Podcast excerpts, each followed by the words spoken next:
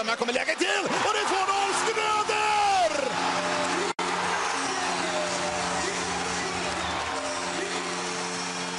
Och stället går bananas! Fullständigt! Det gör vi så. Jag ska bara ta en tugga av det här äpplet och dricka lite vatten så kör vi sen. Ja, det blir bra. Då hinner jag ta en klunk kaffe också. Ja. Hej och välkomna ska ni vara till eh, Svenska fans modopodd Stället går bananas med mig Peter Kempe och som vanligt så har jag med mig min vapendragare Johannes Forsberg. Tjena Johannes, hur är läget? Ja men tjenare Peter, ja men det är ju strålande. Solen skiner och två eh, dagar tills eh, slutspelet drar igång. Så man går ju som är lite smått taggad hela tiden. Ja, jag håller med dig. Ehm, eh, vi har ju precis nästan avslutat grundserien med, eh, jag måste ju säga att Modo har överträffat alla våra förväntningar. En andra plats med 106 poäng, 6 poäng före Bofors som kom på tredje plats. Eh, vad, hur känner du? Nej, men jag håller med dig fullständigt. Jag tror att vi satt här inför säsongen och pratade om att en topp 6 placering var, var det vi skulle sikta på. Och när vi hade Gradin på besök också, eh, sportchefen i Modo, så höll han ju med om att det var som målsättning de hade i föreningen också, att topp 6 skulle man komma.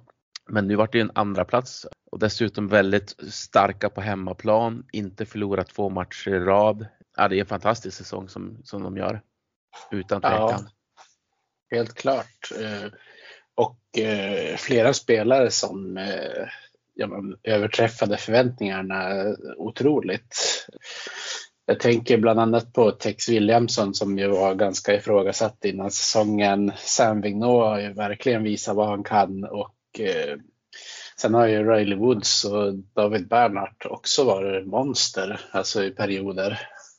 Ja, eh, och där kan vi även dra in fler spelare som Pontus Nässén och Mikkel Ågård som har varit otroligt duktiga. Nej, men jag håller med dig. Alltså det är väldigt få värvningar som inte har, har blivit bra.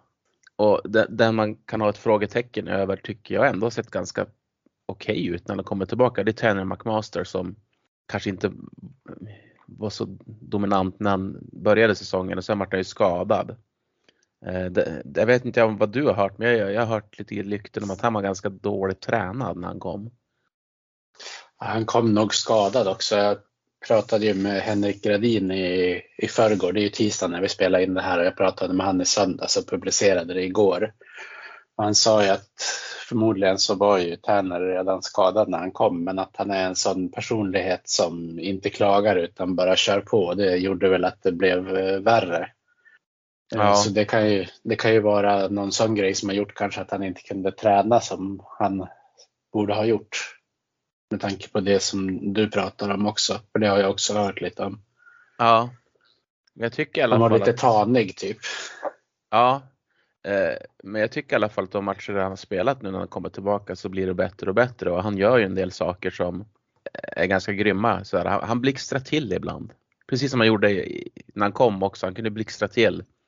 Eh, men mer delaktig i spelet nu tycker jag ändå att han är än vad han var tidigare. Ja, det stämmer säkert. Jag missade ju de två sista matcherna i grundserien eftersom de föll samman med när jag hade fotbollsträningar. Men jag såg ju en av matcherna han spelade i alla fall. Mm. Han är bra att få tillbaka och sen tycker jag också en person som, som eh, jag har klagat på lite grann på Twitter speciellt. Svenningsson Filip.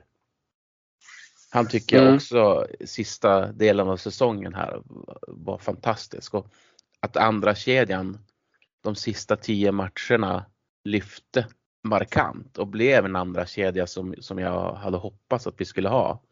För att det har ju varit mycket produktion på backar och första kedjan medan andra kedjan man har inte riktigt kunnat lita på att de ska vara där men sista tio matcherna tycker jag att de har växt ut till precis den andra kedjan jag vill ha. De, tycker jag många matcher var bäst också.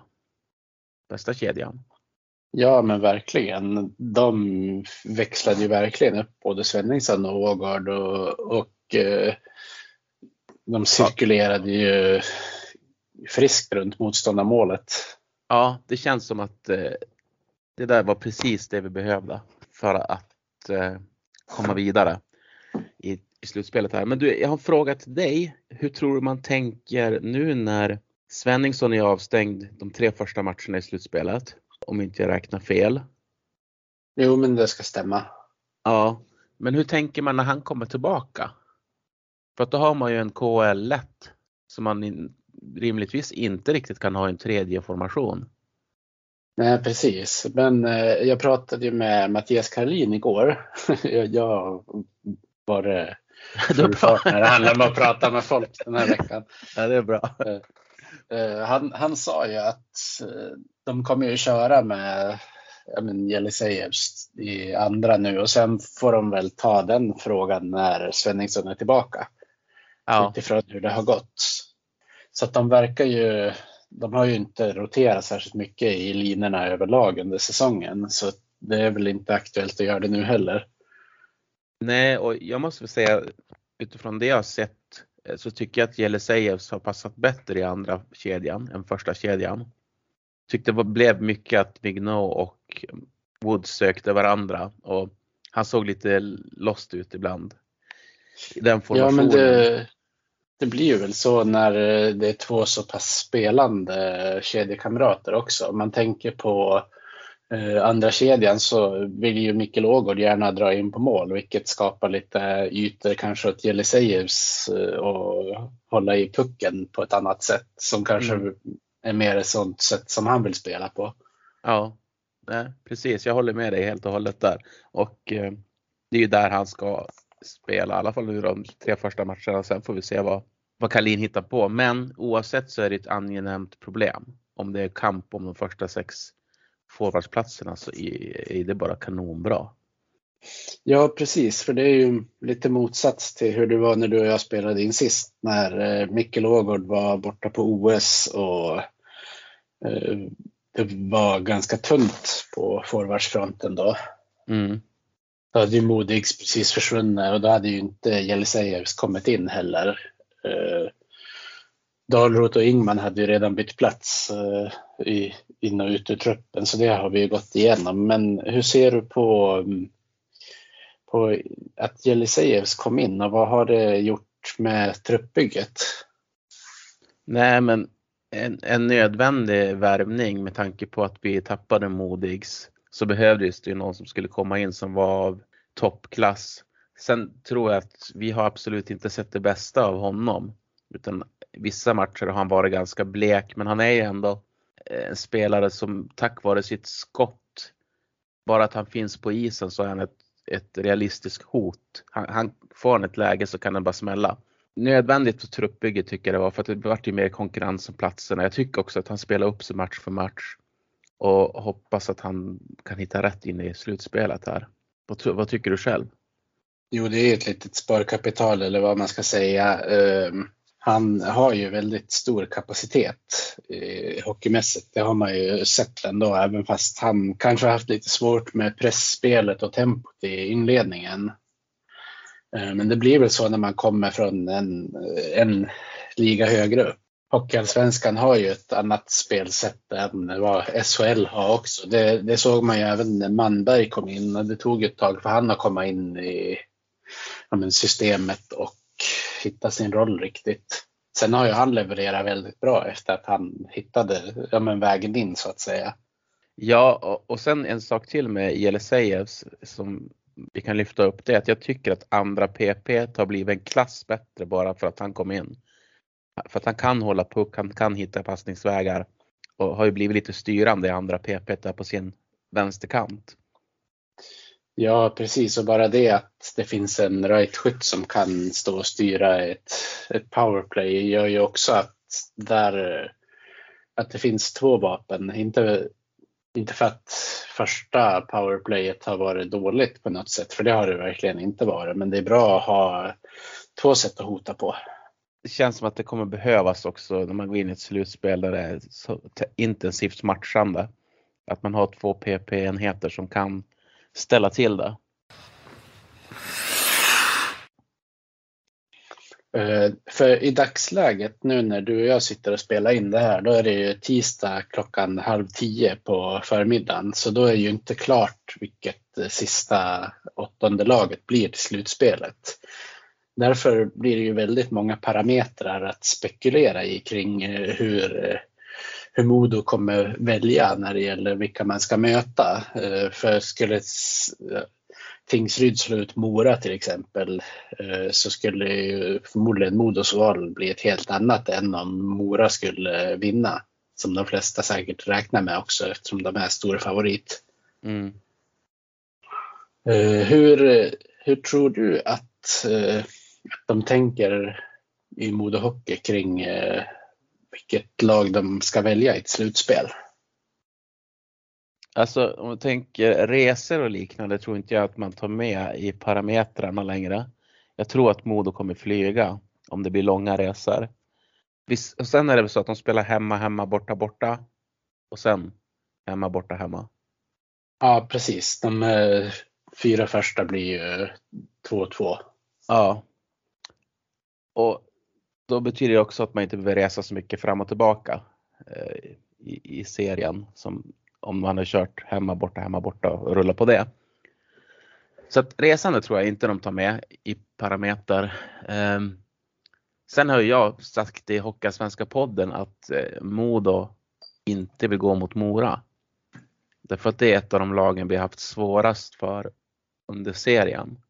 Tycker att Mora har varit duktig på att spela på den absoluta gränsen vad domaren har tillåtit och dragit ner våran fart. Eh, och därför har vi gjort ganska bleka tillställningar mot dem och de matcher vi har vunnit har vi bara vunnit med någon, något udda mål. Så att jag känner mig absolut inte trygg att möta Mora. Då skulle jag mycket hellre se att Modo gick mot Kristianstad. Hur, hur tänker du kring det? Ja, alltså det är ju väldigt väldigt klokt det du säger kring Mora. Eh, samtidigt skulle man välja ett lag som inte är det som är lägst rankat just då skulle det ju verkligen vara en sån här tändvätska till det laget som blir valt. Att jaha, du tror att vi är lättare. Det kommer ju, eh, alltså gör man ett aktivt val på det viset så kommer man ju definitivt att se till att man tänder det laget man möter. Eh, Sen håller jag med dig om att Mora har passat Modo väldigt dåligt i både spelet och eh, även det som händer mellan eh, i själva spelarbrotten och det. Då. Eh, de har ju ett gäng som är rätt duktigt på att uppvigla i Mora också. Både nordamerikanerna och Wernblom och någon till också för den delen. Som, de är ju inte tysta i alla fall. Nej, det är sådana, spelar, sådana spelartyper man kanske vill slippa i ett slutspel. Ja, och, och, och kollar man till truppbygget så känns det som att Mora skulle ju vara ett lag som var topp 6. Eh, och nu känns det som att de kom lite mer under säsongens gång och blev bättre och bättre för att de låg ju eh, de, hade ju, de har inte legat bra till om man säger så. Medan Kristianstad känns det lite grann som att de har överpresterat ibland och dessutom sista tio omgångarna, om man bortser från sista omgången när de nu smällde till ordentligt och vann med 8-2, så har ju inte de varit bra. Nej, Mora har ju gjort egentligen en Södertälje. De brukar ju ha sådana säsonger i vanliga fall. Ja. Eh, en, en, en, riktigt dålig inledning eller ett riktigt dåligt avslut. Ja, nu för Södertäljes del så vart det väl både och. ja, den här säsongen. Här, ja, precis. Just den här säsongen blev det så. Um, men uh, om vi tänker uh, Västerås skulle ju säkert vara ett, ett vettigt val för Modo utifrån um, att man har spelat bra alltså resultatmässigt mot dem. Men spelmässigt har ju inte alla matcher varit alltså, så lätta som de har blivit siffror. Nej, jag håller med dig om det och där tycker jag att om man tittar på matchen mot Kristianstad så har ju vi varit bättre i alla fyra matcher. Om, om man kommer ihåg den matchen vi förlorade mot Kristianstad så tror jag att vi ledde med ledde vi med 3-1 när det var två minuter kvar eller något sånt där sen börjar vi dabba oss. Vi spelar ju fram dem i princip till öppet mål. Och, och sen så sitter de in trean och så vinner de i sadden. Visst är det något sånt som händer där? Så spelmässigt tycker jag i alla fall att det känns mycket tryggare med Kristianstad än Västerås. För att ja, Frycklund och den formationen är ju inte kul att tampas med. Um, Nej, han var ju dessutom skadad när Modo mötte dem sist. Ja, för mig är ju han troligtvis kanske årets forward i Hockeyallsvenskan. Ja, han som, in, som inte ens blev nominerad. Nej, det är hårt, hårt att ta sig in. ja. ja. Nej, men jag, jag, håller med dig. Alltså det, det ser jävligt bra ut på pappret. 17-4 i målskillnad, 4-0. Det låter ju hur klart som helst. Men matcherna har inte riktigt varit så klara. Nej, jag var ju själv inne på kanske Eh, ta Västerås. Eh, men eh, jag har nog svängt ifrån det lite grann. Dels med, med tanke på vilken grundkapacitet de har och att de har vissa spelare som kan, skulle kunna bli monster i slutspelet. Det som gör att Mora känns som ett bättre val är det att det känns ju inte som deras målvaktssida är lika skrämmande som Kristianstads målvaktssida är. Nej, jag satt just och tänkte på det och Kristianstads målis. Ehm, ja. För att han, han, är ju, jag hade ju inte blivit förvånad. Nu, nu vann ju AIKs målvakt, vad heter han, Pavel Kolichenko eller något sånt där. Komchenko. Ja, nu vann ju han priset som årets målvakt och det säger jag ingenting om. Men jag hade inte heller sagt någonting om, om eh, Kristianstads mål, målvakt hade vunnit. Nej, nu kanske Dickov blev bortvald för att han var och spelade OS och inte spelade lika många matcher som Komchenko. Ja, precis. Och det är så han heter, Fredrik Dickov. Mm. För att han, han, han, är ju riktigt, riktigt duktig. Och sen har de lite otäcka alternativ på forwardsidan. Alltså jag tänker på Trevor Sheek, Kristoff eh, Kontos, Nikolaj Sladechenko. Det är, inte, det är inte ett dåligt lag men jag tycker att Kristianstad är, är ett sämre Modo. Ja, jag förstår vad du, vad du menar. Ja, just det gör väl kanske att det skulle vara ett bättre val än eh, exempelvis då Mora och Västerås. Jag kan ju aldrig tänka mig att HV väljer något annat än Västervik om det är Mora som slår Tingsryd ikväll. Nej, precis. Och eh, då kan vi spekulera lite om vi vänder på det därför att går Tingsryd vidare och lyckas slå ut Mora, då kommer HV hoppa över dem. Eh, de har ja, verkligen. väldigt lätt för Tingsryd. Eh, mm. Dessutom är det, vad är det, hur många mil emellan är det? Det är inte långt heller. Nej, precis. Och, och Västervik ju... känns inte kul heller.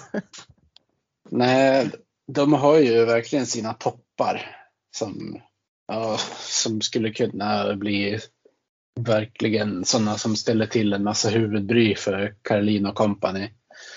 Um, Modo har ju inte haft jättelätt spelmässigt mot Västervik heller. Uh, där har ju Skyler McKenzie haft lekstuga ibland till exempel. Ja. De har ju en del otäcka spelare sådär men Sen beror på hur, hur, hur, för jag tänker också om Västerås, om Modo inte väljer Västerås så finns det en ganska stor chans att de går upp mot Löven va? Ja, verkligen. Och jag tror ju inte, jag tror inte BIK kommer välja Västerås eh, om de har, säg Mora eller Kristianstad att välja på. Då tror jag inte de tar Västerås. Nej, eh, och där har vi ju lite omvänt då. då. Då är det ju Löven som har haft lite svårt för Västerås. Ja. Eh, och vill helst kanske inte ställas mot dem för de, de kan nog ryka i en bäst av sju mot Västerås. Det ser inte alls som omöjligt. Men ser man det ur Modoögon så tror jag att ingen i Övik klagar på om Västerås skulle göra jobbet mot Löven. Därför att Löven känns lite otäcka sådär tycker jag. Att eh, gå upp i en bäst av sju mot. Ja, man vet ju att de har ju sina spelare som växer när det blir sådana här matcher. Eh, ja. Bland annat Hutchings som väl var aktuell att bli såld eh, vid transferfönstret. Mm. Där, där just Björklöven-supporterna blev ja, jag ska inte säga vrålarga, men irriterade och med det som ett argument att vi vet ju att han är ingen grundseriespelare. Mm. Nej, och så har de sina fyra formationer som är väldigt starka offensivt. Eh, och en Ja. Olle Liss som har börjat hitta rätt igen. Ja, precis. Och så två målvakter som man vet kan vinna vilken match som helst. Ja. Nej, de, de tycker jag känns otäck. Eh, och skulle Västerås kunna tampas med dem så skulle jag bara bli glad. Ja, skulle man veta att Johan Gustafsson var borta ett tag för Västerås, då hade det ju kunnat vara ett annat val. Mm. För han har ju varit skadad i slutet. Ja, vet du någonting om statusen för honom? Eh, Det, Västerås var ju ute och gjorde ett uttalande den 11 mars. eh, Att vi hoppas att han ska vara tillbaka lagom till slutspelet. Eh, Men han, eh, han blev ju skadad i matchen mot HV71 och har missat allt spel sedan dess. Mm. Så Det är ju, det är ju en verklig sån här brasklapp. Skulle man veta att han, eh, att han blir, blir borta i en kvartsfinalserie så är det klart att man skulle hellre välja dem då. Ja, Han är ju en, en två klasser bättre målvakt än deras eh, andra val, måste man ju säga.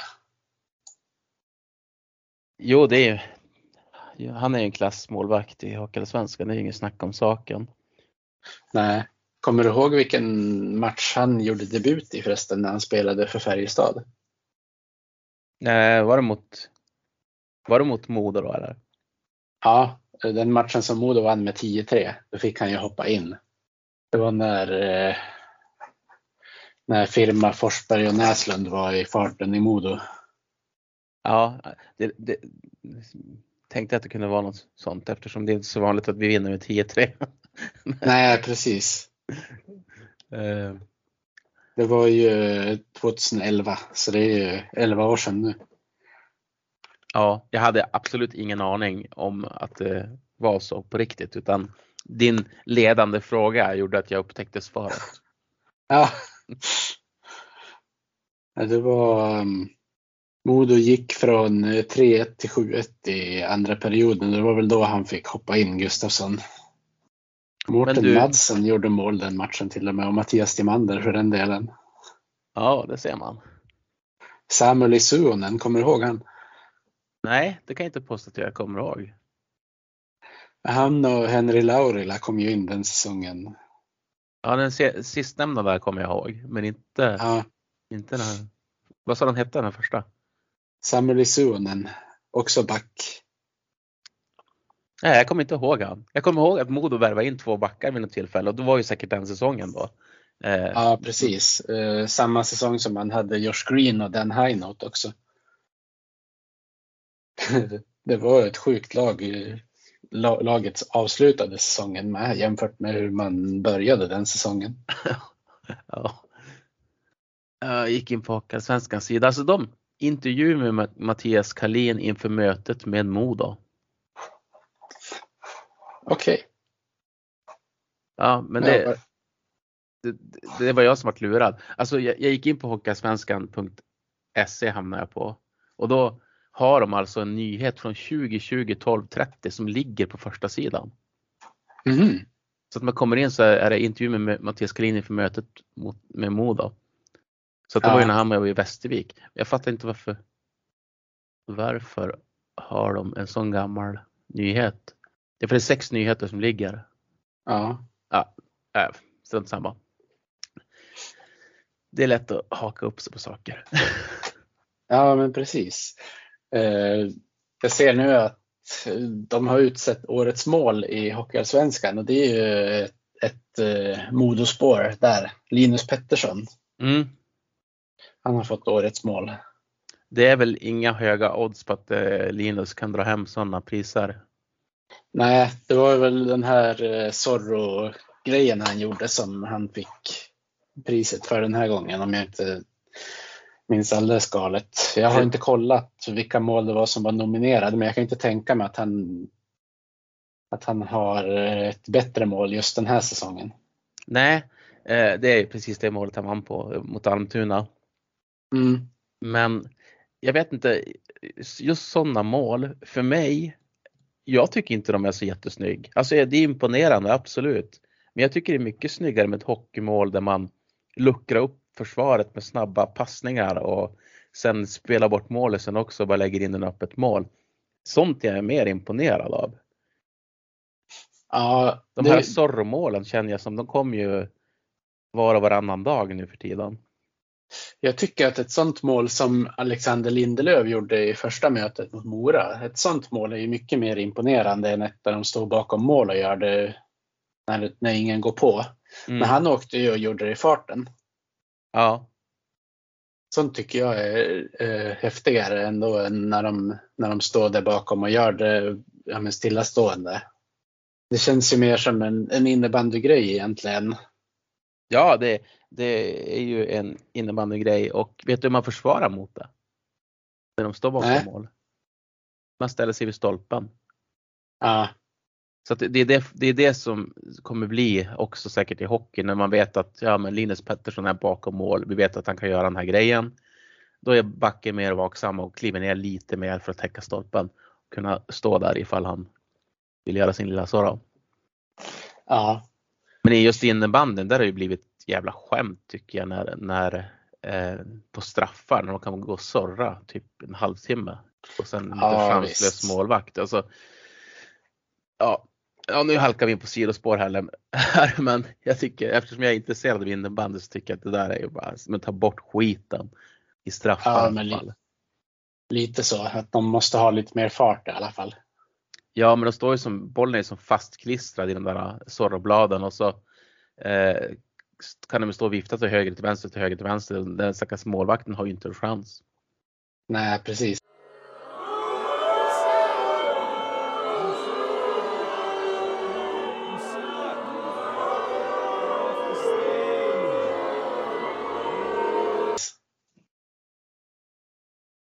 Ja, men det var ett rejält sidospår, men eh, det är så det blir i den här podden. Ja, precis. Men- Det är tjusningen, jag på att säga. eller, eller mardrömmen. Ja, Jag tänker så här, alltså. Jag skulle inte bli ledsen om Tingsryd slog ut Mora. Eh, Och det är för att jag har stor respekt för Mora. Men sportsligt så ser jag gärna att Mora vinner mot Tingsryd för att jag tycker den här play-in grejen är så jävla dålig. ja alltså det känns, det känns ju sjukt att ett lag som eh, hamnar eh, 12 poäng efter plats 9 ska ha chansen att vara med och slåss mot de som har kommit etta och tvåa egentligen. Ja, nej men det är det som är så konstigt. Alltså att Tingsryd som ligger 10 på 62 poäng eh, har ungefär 20 poäng upp till topp 6. Eller och, och nästan 20 poäng upp till Mora också på topp top 7 och Västervik på topp 8 för de har 79 poäng. Ja, Eh, att de ska vara med och aspirera om en eventuell SHL-plats. ja. Det, är, Och- det, det finns ju, förutom lag 9 och 10 finns det ju bara förlorare i play-in egentligen annars. Ja. Ja, det är ja, ju så är ingen, det. som, ingen annan tycker ju om det. Eh, Det gör att lagen som ligger högre upp måste vänta på att fortsätta sin säsong. Det gör att lagen som kanske har kommit sjua med bred marginal riskerar att åka ut och få fiaskostämpel. Ja. Jag tycker slopa det här med play-in. Alltså det, det är inte sportsligt. Alltså man har 52 omgångar på att placera sig i tabellen. Och det måste betyda, alltså det måste gälla någonting annat än att topp eh, tre lagen får välja först. Eller topp fyra. Eller, ja, men fjärde laget får, Ja. ju, får, de får ju hemmaplats för det men de kan ju inte välja. Det blir det laget som blir över. Ja men precis. Alltså, jag hade kunnat köpt play-in som koncept om man hade delat upp eh, Hockeyallsvenskan i två eh, geografiska regioner typ. Eller två conference eller vad som helst. Men, men efter en rak serie finns det ju ingen anledning att ha en sån grej. Finns det något annat land i, i Europa som har det. Vet du det? Eh, nej, det vet jag inte. Det har jag dålig koll på. Men det skulle vara intressant att luska i den frågan. Vi kanske får göra det och kika. Men det kanske är någon av lyssnarna som vet. Det är många lyssnare Mm. som är duktiga på hockey. Och, Får jättegärna tala om det i så fall. ja. Men det känns ju som ett sånt där beslut som bara styrs av tv-pengar. På något vis. Ja, Eh, verkligen. Och inte tv-pengar till, till lagen då utan intäkter till Simon. Ja, Jag menar hade Hockeyallsvenskan gått ut och frågat ska vi, ska vi köra med play-in? Eh, så är det nog bara AIK Tingsryds fans som hade svarat ja. förmodligen ja. Och säkert inte ens majoriteten av deras fans tillsammans.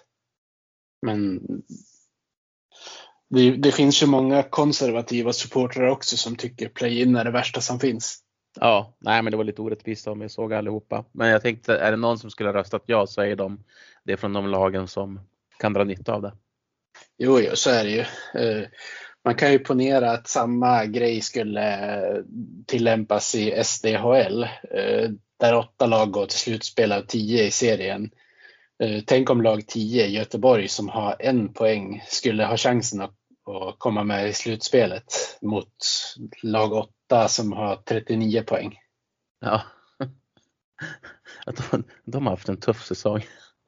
Ja, men det har de väl alltid, men det är så stor skillnad på eh, SDHL och serien under. Så de slog ju ändå ut Skellefteås damlag i, i kvalet. Ja, För där har de ju möten mellan, eh, alltså direktmöten mellan ettan och tvåan och nian och tian. ja. Nej, men det känns, känns bara 52 omgångar och det är egentligen bara två lag som slutar spela hockey. Det är 11 och 12 Ja, Det är för dåligt. ja, ja. ja. Är- men har, har man inte lyckats ta topp 8 på 52 omgångar, då får man faktiskt se den säsongen som vaskad. Men eh, vi kan dra den nyheten i alla fall. Säkert de flesta vet om det redan, men att eh, Sportexpressen avslöjade att Rickard Maraenes är klar för Modo kommande säsong. Och det var väl egentligen Eh. ingen blixt från klar himmel. Modo har ju jagat honom tidigare under säsongen. Ja, precis. Och eh, vi kan ju även lägga till att eh, Sportexpressen också har gått ut med att Marcus Westfeldt ska vara klar till nästa säsong. Ja, och det är en center från Västervik. Precis, som eh, fostrade Brynäs. Och sen finns det ganska mycket rykten om en viss Emil Molin i, i Brynäs. Ja, det har jag också hört. Vi får väl se hur det landar där. Men han, hans 2021-22 säsong i, har ju inte varit bra. Nej, och han, eh, han har ju varit på Modomatcher tidigare som publik. Ja, nej men han har ju Som- ett hjärta för Modo. Ja. Eh, sen vet man ju också att, ehm, att det, det spekuleras ju i att till exempel Josef Ingman skulle lämna efter säsongen om eh, Modo inte går upp. För han ska tydligen ha en out i kontraktet.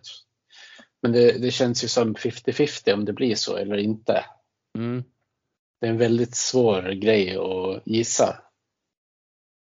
Eh, Det känns ju som att han trivs i Modo och Örnsköldsvik där han är nu, men sen är väl frågan eh, vad som vad han får för andra erbjudanden på bordet så att säga. Han kommer nog inte byta lag till ett annat i Hockeyallsvenskan utan det skulle ju vara om man har någon bud uppifrån. Ja, ja. Nej, i Hockeysvenskan då är det Modo som gäller. Men jag tänker ut, utifrån hans, ha- han skulle nog må bra av att vara i Hockeyallsvenskan i alla fall en säsong till. Det har ju varit ganska mycket fram och tillbaka mellan klubbar för honom. Han, han gick till Djurgården och var i Brynäs, eller var det tvärtom, gick han till Brynäs först? Ja, Han kom från Djurgården till Modo den här säsongen. Han spelade playout med Brynäs i fjol. ja. Och nej, men ingen av de klubbarna har ju riktigt satsat på honom. kanske. Nej, och så har de, ju- har de ju inte legat så bra till i tabellen heller. Nej. det är väl hämmande för ens utveckling att spela med sådana lag. Eh, om man tänker på att man kan väl inte få något förtroende för att göra något fel i de pressade lägen som sådana lag är i. Nu är ju Djurgården klar för playout eh, mot Timrå. Det känns mm. ju rent spontant som att Djurgården borde ligga bättre till i, i den um, på förhand. Men vi vet ju själva att sådana där grejer kan ju ändras snabbt.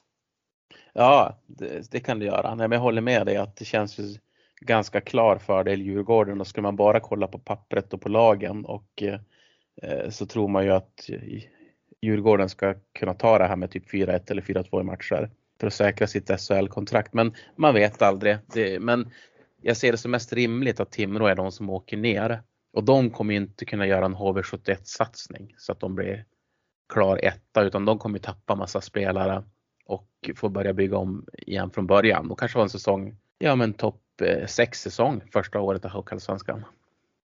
Ja, om inte Dahlén kommer tillbaka igen. Men det tror jag inte han gör. Han är ju ordinarie i San Jose.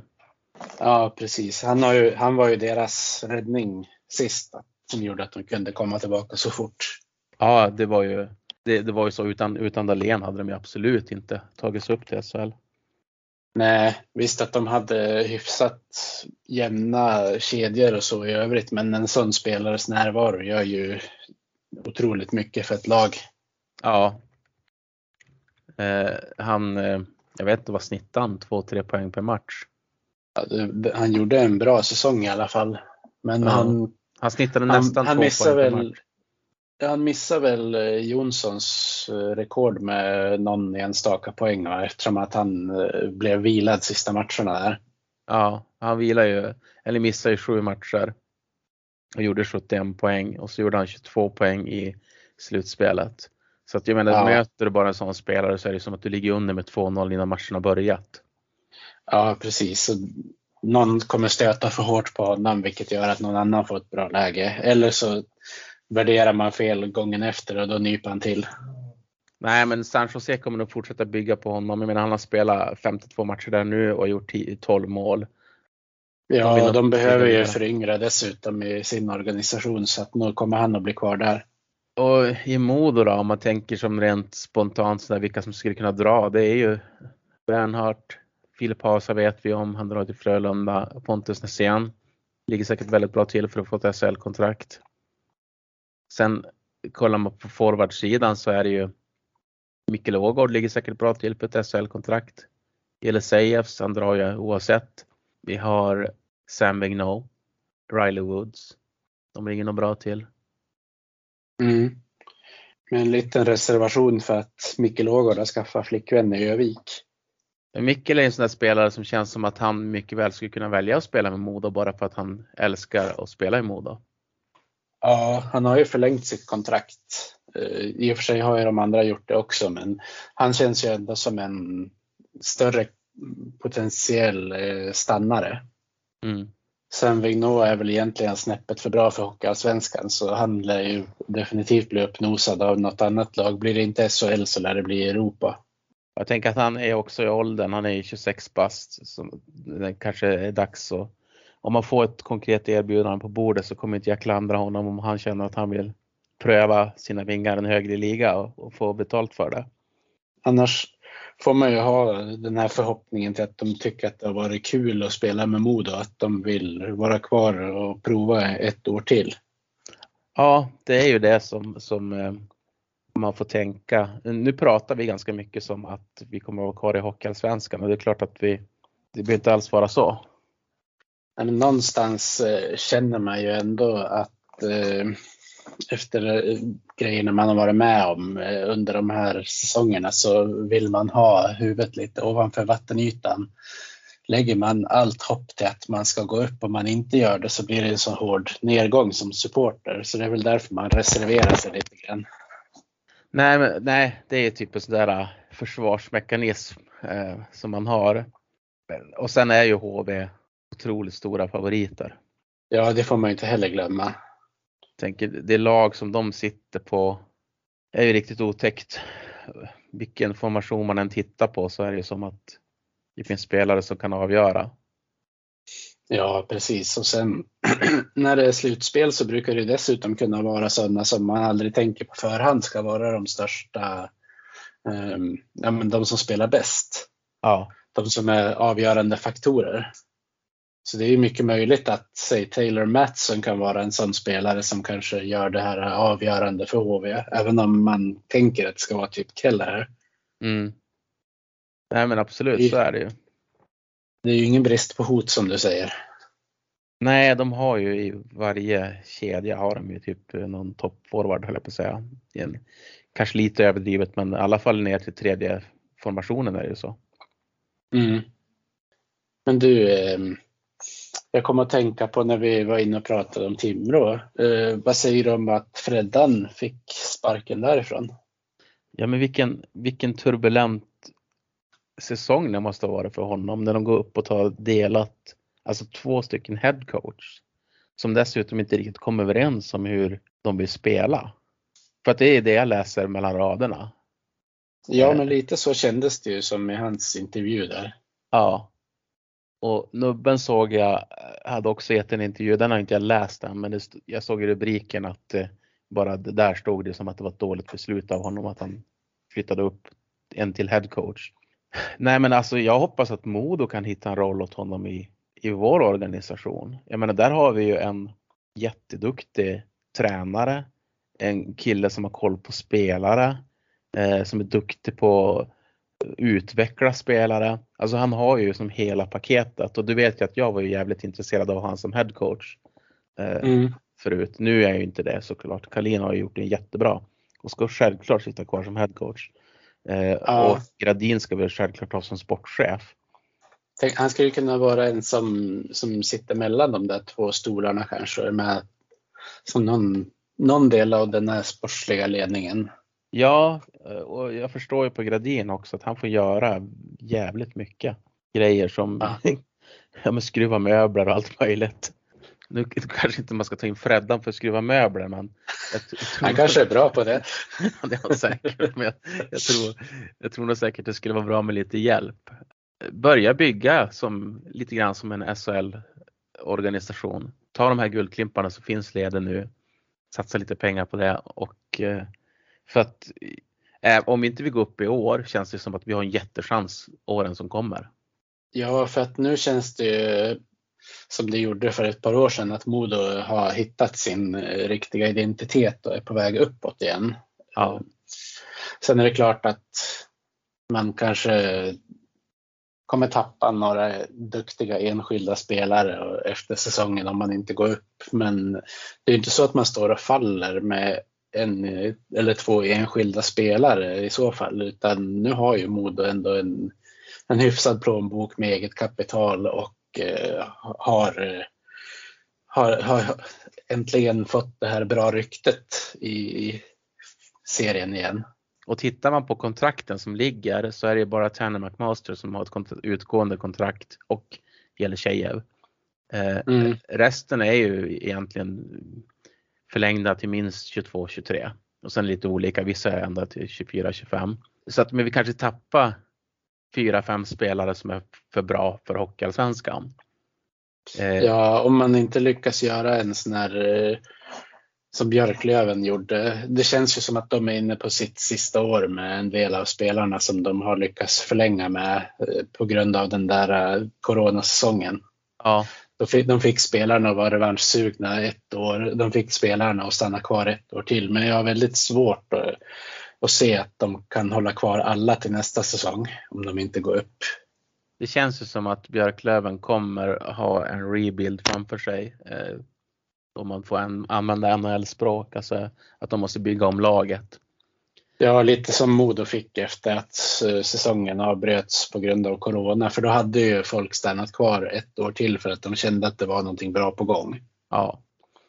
Och de är ganska många tongivande spelare på utgående kontrakt. Och säkert kommer de också få känna av på det där som ett duktigt lag får göra. Att eh, spelare som har kontrakt kommer bli uppvaktade och kanske någon, någon liga högre upp och tappa dem också. Ja, kan ju hända att en sån som Axel Ottosson kan stanna en säsong extra på grund av att han har hjärta för klubben. Men han är väl också en sån här som egentligen borde spela i SHL. Ja, och det är väl inte omöjligt att uh, han får en chans i exempelvis Oskarshamn eller något sånt. Nej, han var väl i Linköping sist han var uppe och provade. Va? Färjestad och Linköping. Känns ju inte som Linköping är en omöjlig adress en sån här gång heller. Nej, nej, det gör det absolut inte. Nej, men om man jämför så känns det ändå som att Modo sitter ganska bra i båten på det sättet. Vi, vi kommer ha det huvudsakliga bygget är redan klart för nästa säsong. Mm. Det kommer vara spetsspelare ju... som, som ska in och det känns det som att Gradin och kompan har jävligt bra koll på marknaden. Ja, och det känns ju som att man, om man nu säger att Riley Woods försvinner så har man ju redan Marenis på plats. Om nu inte han skulle få ett SHL-kontrakt men man får väl hoppas att skriver man ett kontrakt eh, nu så vill man spela där nästa säsong. Det känns som att Marenes väldigt gärna vill till Modo. Det är bara en känsla jag har. Jag tror att men ja, egentligen inte bara en känsla för att han, han velat ha ett SHL-kontrakt då hade han ju väl han har ju lätt kunnat sitta och avvakta i båten. Ja. Jag menar hans det... säsong är ju slut och, och ja, varför skriver han på för Modo nu då? Då har han ju antagligen bara sagt att ja men jag avvaktar och ser vilka bud som kommer och vi hörs om en månad. Ja precis. Så, man vill ju tro och tänka att det funkar så i alla fall. Ja, precis, men det är som sagt logik och, och kontrakt och vart spelare drar till höger och vänster. Det är bara att lägga ner. Det funkar inte. Det har vi lärt oss. Ja, nej men precis. Men man, man har ju ändå vissa vaga förhoppningar om att man kan få åtminstone ett par av de här toppspelarna kanske stanna en säsong till, även om man inte går upp. Men det beror ju helt och hållet på hur de presenterar projektet för dem. Ja. De har ju hoppat på det från första början men det lär väl krävas en del övertalning för om, om det kommer locktoner från andra håll också. Ja, nej men så är det. Och ska vi dra ett worst case scenario att vi tappar både Sam och Riley eh, och McMaster som spelar första kedjan just nu så känns det som att McMaster, ja, han, han har som inte riktigt ens fått visa upp sig. Han, han kan vi nog ersätta ganska lätt och Sam och Riley Woods, där kanske vi redan har ersättare i Emil Molin och eh, Marenis. Ja men precis och sen vet man ju inte med KHL-bubblan som har spruckit nu hur många av de spelarna som kanske går före en sån som Sam Vignot till eh, ja, men förslagsvis eh, SHL eller tyska ligan då, eller vad det nu kan tänkas vara som kan locka. De men, kanske väljer KHL-spelare före istället. Men visst borde det rimligtvis bli så här att eh, kvaliteten både i SHL och Hockeyallsvenskan har ju möjlighet att öka. Därför att det blir så många spelare leder som, som borde spela i KHL eller borde, men du förstår vad jag menar. Alltså de, ja. hade, det var, var det, hade inte Putin blivit rabiat så hade KHL fortfarande varit ett alternativ för många spelare.